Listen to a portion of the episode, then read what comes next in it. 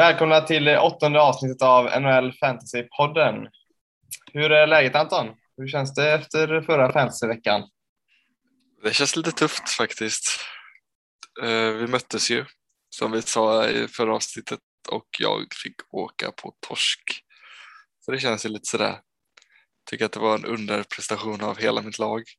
Men eh, det är bara att ta nya tag. Långt kvar till slutspel. Ja, är det några specifika spelare som du är missnöjd över? Nej, det är väl mer helheten av hela laget. Tycker inte riktigt att uh, jag fick ut allt utav dem. Och för mig så var det lite tvärtom. De levererade som de skulle. Ingen överraskning så, men de tuggar på. Mina gubbar. Ja, det var McDavid. Han gjorde poäng i varje match, men uh, han levererar ingen supermatch förutom den senaste när han gjorde 1 plus 1 och gav mig 19 fantasypoäng så låg han ju på 7 innan dess, två matcher i rad och fem matcher innan dess. Tane producerar inte lika bra längre heller eller? Nej, det gör han inte riktigt. Han eh, har någon match. Han har ju nog satt, spelat sin sista match för klubben. Vad tycker du om ditt lag? Eh, men de eh, presterar okej okay, tycker jag mina målvakter har börjat tugga igång det nu med Vasilevski och Helleback. De eh, är båda friska nu och står eh, 90 procent av sina matcher ungefär. Så de ger ju en stabil grund att gå på. Sen så Hopkins tycker jag också är väldigt stabil. Kommer alltid in med en assist eller ett mål. Ja, det är väl egentligen eh, Barry som jag kan önska lite mer av. Sen är jag nöjd överlag. Är du verkligen nöjd med Perons insats senaste veckan? Peron, ja men han, det är lugnt för mig om han har någon eh, vecka nere och så. Sen kommer han och gör en 3 plus 1 som han gjorde veckan innan förra veckan. Så då är det värt att hålla kvar igen. Han är, det ryktas ju om att han är en av NHLs bästa powerplay-forward. Där han gör stor del av alla sina poäng. Ja, han låg ju, gav ju det inte ens fem fantasypoäng på hela veckan så det är lite tufft räckte ändå för att ta hem en komfortabel seger. Det gjorde det ju.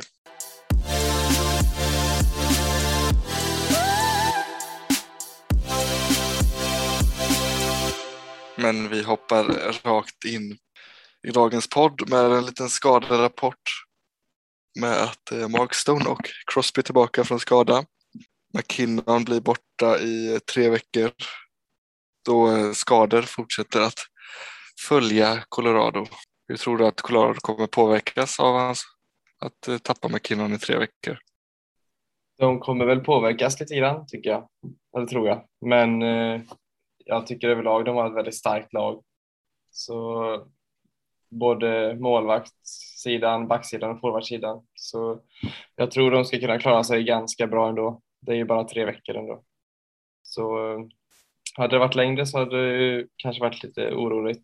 Men nu tror jag det är ganska lugnt. Speciellt när de har eh, en till center i eh, Kadri som har steppat upp det nu. Hur känner du själv? Jo, men jag tror att eh, de kommer klara sig rätt bra. De har ju redan spelat två matcher utan han där de vunnit med 7-1 och 6-2 mot Vancouver och San Jose. Så att eh, jag tror ändå att det går rätt bra. De har en rätt lätt vecka framför sig med Vancouver, Seattle Ottawa och eh, så. Så jag tror att det råder nog ingen nörd på dem. Det är, men det är ju också i slutspelet som det kommer räknas för Colorado. Det spelar nog inte riktigt någon roll vad de gör i grundserien. Nej, de, de, kommer ju, de kommer ju ta sig till slutspelet vad de än gör. I princip. Sen har vi Ottawas tre nästa matcher också som flyttas på grund av ett covid-utbrott. Det blir då mot New Jersey, Rangers och eh, Nashville Predators. Och detta kommer ju påverka fantasyveckan för eh, de som har Ottawa-spelare eller tänkte ta upp Ottawa-spelare. Ja, det är ju tråkigt att se. Vi hoppas ju verkligen inte att detta är någonting som fortsätter med så som det blir som förra året. Vi vill ju inte att det är massa matcher som flyttas fram och tillbaka. Och, men eh, det är, det är tråkigt att det är tre matcher som flyttas, men vi hoppas ju att det stannar där. Vi pratade lite tidigare om eh, Colorado och när, nu när vi ska prata om pickups så har vi även med lite Colorado-spelare som vi tänker att man kan ta upp inför kommande veckan. Då de har, som vi sa tidigare, rätt lätt eh, schema. Vi börjar med att eh, säga en spelare som du nämnde, Nassim Kadri, en eh, andra lines eh, center som har gjort eh, poäng i sex raka matcher. Som även får eh, spela powerplay och har gjort det bra. Vad tror du om Kadri? Jag tror bra om han. Jag tycker han har visat under en del stunder i sin karriär att han kan vara producera som en första center. Han är ju på gränsen skulle jag säga när han är som bäst. Så det är perfekt nu när McKinnon är borta att han är stekhet. Så han är verkligen värd att titta på för eh, att streama lite nu eller att plocka in och hålla på. I alla fall så länge McKinnon är borta. Ja, speciellt nu för att eh, även eh, JT Comper kommer missa tre till fyra veckor. Så att det är inte omöjligt att han får spela i en eh, första kedja också. Eller antingen att han spelar eh, centra sin andra kedja med eh, Niskushin och eh, Rakowski eller om de flyttar upp han till en första kedja. Det får vi lite se, men det ger ju han mycket mer speltid. Han kommer ju få spela första PP i alla fall. Vilket eh, nu när Colorado är lite heta och de har ett lätt schema framför sig. Sen har vi två backar som eh, de är dock lite mer rostered, båda är över 50 procent. Men man kan nog få dem för eh, rätt billigt. Eller så kan de ju också vara tillgängliga lika. Och det är då Sam Gerard och Devon Taves. Gerard har eh, de två senaste matcherna gjort sex poäng och spelat eh, över 20 minuter båda matcherna. Samt få spela i ett andra PP. Då det gäller Devon Taves så spelar han i första backpar med eh, McCarr och eh, även han spelar i PP2. Ja, finns de här tillgängliga i sin liga så tycker jag man ska plocka upp dem direkt. Speciellt nu när eh, Colorado är så heta. Då, det hjälper ju till eh, för spelarna att gå plus och även få poäng. Men plus och minus är väldigt mycket värt. Och är laget bra så går oftast spelarna lite mer plus än vanligt. Men sen får man ju titta också, är de över 50 procent så är det inte så stor chans att de finns. Det är ju hälften av ligorna de är borta i liksom. Från två backar till en eh, ny back i ligan, Scott Perunovic, som är en back i St. Louis, som precis har blivit eh, uppkallad. Och det är inte så vanligt att eh, man har med en sån i en liga som inte har gjort sin eh, NHL-debut än. Men eh, han är en Hobie Baker-vinnare från 1920. De spelade för Minnesota Duluth och eh, missade hela fjolårssäsongen för en eh, axeloperation. Anledningen till att vi har med han är ju att han denna säsong gjort 20 poäng på eh, 12 matcher i AHL som back och eh, leder AHLs poängliga i detta nu. Ja, och det känns ju som att de kommer ändå försöka testa han lite nu, kanske något PP2 och liknande. Eftersom att han har producerat så mycket AHL. Så det är lite intressant. Han har ju gått upp till 4 roster nu utan ens ha spelat en match. Så det tyder ju på att folket har ju väldigt stora förhoppningar på honom. Och det är många som chansar och tror på honom. De kommer ju nog försöka spela mycket nu när han ändå är så pass het och inne i ett eh, stim får man ju ändå säga att han är. Men han har gjort en, strax under två poäng per match i AHL. Ja, och sen har de ju några backar som är lite halvtveksamma. Typ Kalle Rosén, Jake Wallman. Där tror jag han kommer ta en del speltid ifrån de här killarna. Sen även kanske byta ut Pareko i ett PP2. Skulle kunna vara möjligt. Nästa spelare eh, har vi med på grund av att de har eh, fyra matcher den här veckan och har varit eh, ett väldigt starkt lag hittills, otippat starkt lag. Och det är Detroit Red Wings där vi har med Robbie Fabry. Och eh, de möter eh, Columbus, Dallas, Vegas och Arizona. Så de har stor potential till att göra mycket poäng de här fyra matcherna. spelar även i PP1 med eh, Larkin, Bertuzzi, Raymond och Sider. Så jag ser stor potential till att han kan eh, få lite poäng den här veckan. Även om de vinner så kommer han ju gå plus. Ja, det är väldigt bra med mycket matcher på en streamingspelare. Det man får tänka på är bara alltså att man inte har fullt lag eftersom att eh, vissa av de här dagarna så är det väldigt många lag som spelar. Och har man då eh, ganska många forwards i laget så kan det lätt bli trångt och om man inte har eh, forwards som kan spela på flera olika positioner så kanske man får sätta en annan spelare om man ska streama Fabry då. Så det får man eh, kolla upp innan kanske, om man har tänkt att streama honom eh, hela veckan. Ja, det är ju väldigt viktigt att man eh, kollar sånt innan om det inte bara är före en match. För det är ingen idé att ta upp honom om man ändå bara ska sitta på bänken. Då kan man ju ta upp någon annan. För på bänken får man inga poäng.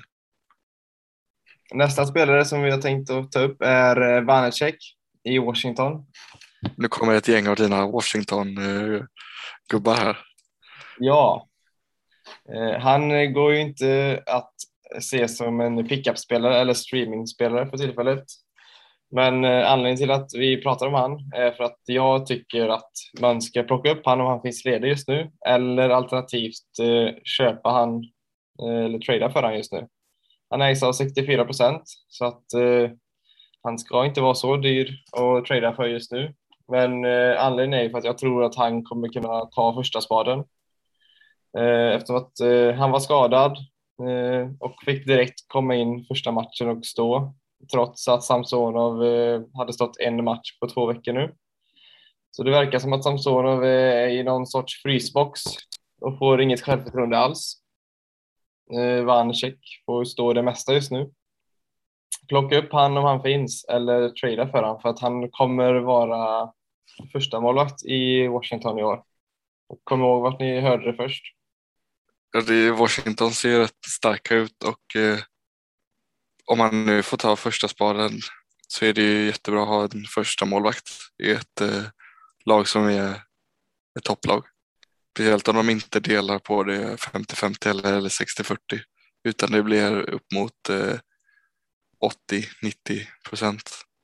Hur många, hur många matcher har han stått eh, hittills? Ja, i nuläget så har Vanacek stått åtta matcher och Samsonov har endast stått tre. Sen så har även eh, Fukale varit inne och stått i en back-to-back match när Vanacek var skadad. Men det ser verkligen ut som att de, eh, de lägger allt förtroende på Vanacek. Men vi får se.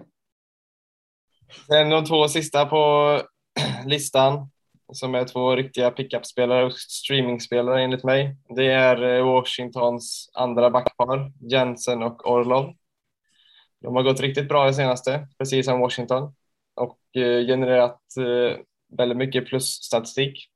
Plus två de två senaste matcherna. Samtidigt som Orlov spelar powerplay 2 där. Och de är då ägda 16 respektive 24 procent, så de borde finnas i de flesta ligorna. De levererar även lite assist då och då. Eh, men det är framför allt för att de går plus som de är värda att streama för tillfället. Sen har de även väldigt bra schema. De spelar back-to-back den 16 och 17. Då möter de Anaheim och LA. Sen spelar de även mot San Jose den 20. Så det blir tre matcher den här veckan, men det är ju ganska svagt motstånd. Så fortsätter Washington och detta backparet vara heta så kommer ni tjäna mycket på att plocka upp någon av de här eller kanske båda två.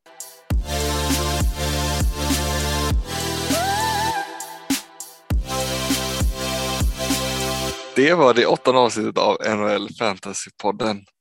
Vad har du för känsla inför nästa vecka?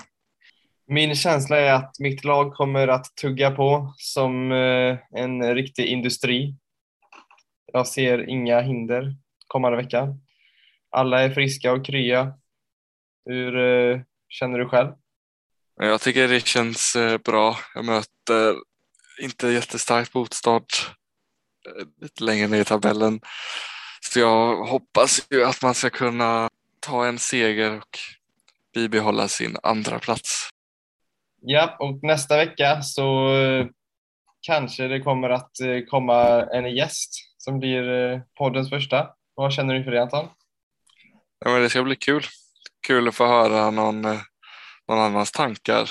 Ja, vi håller tummarna för att det löser sig. Så hörs vi nästa vecka. Ha det gött! Det gör vi. Hej!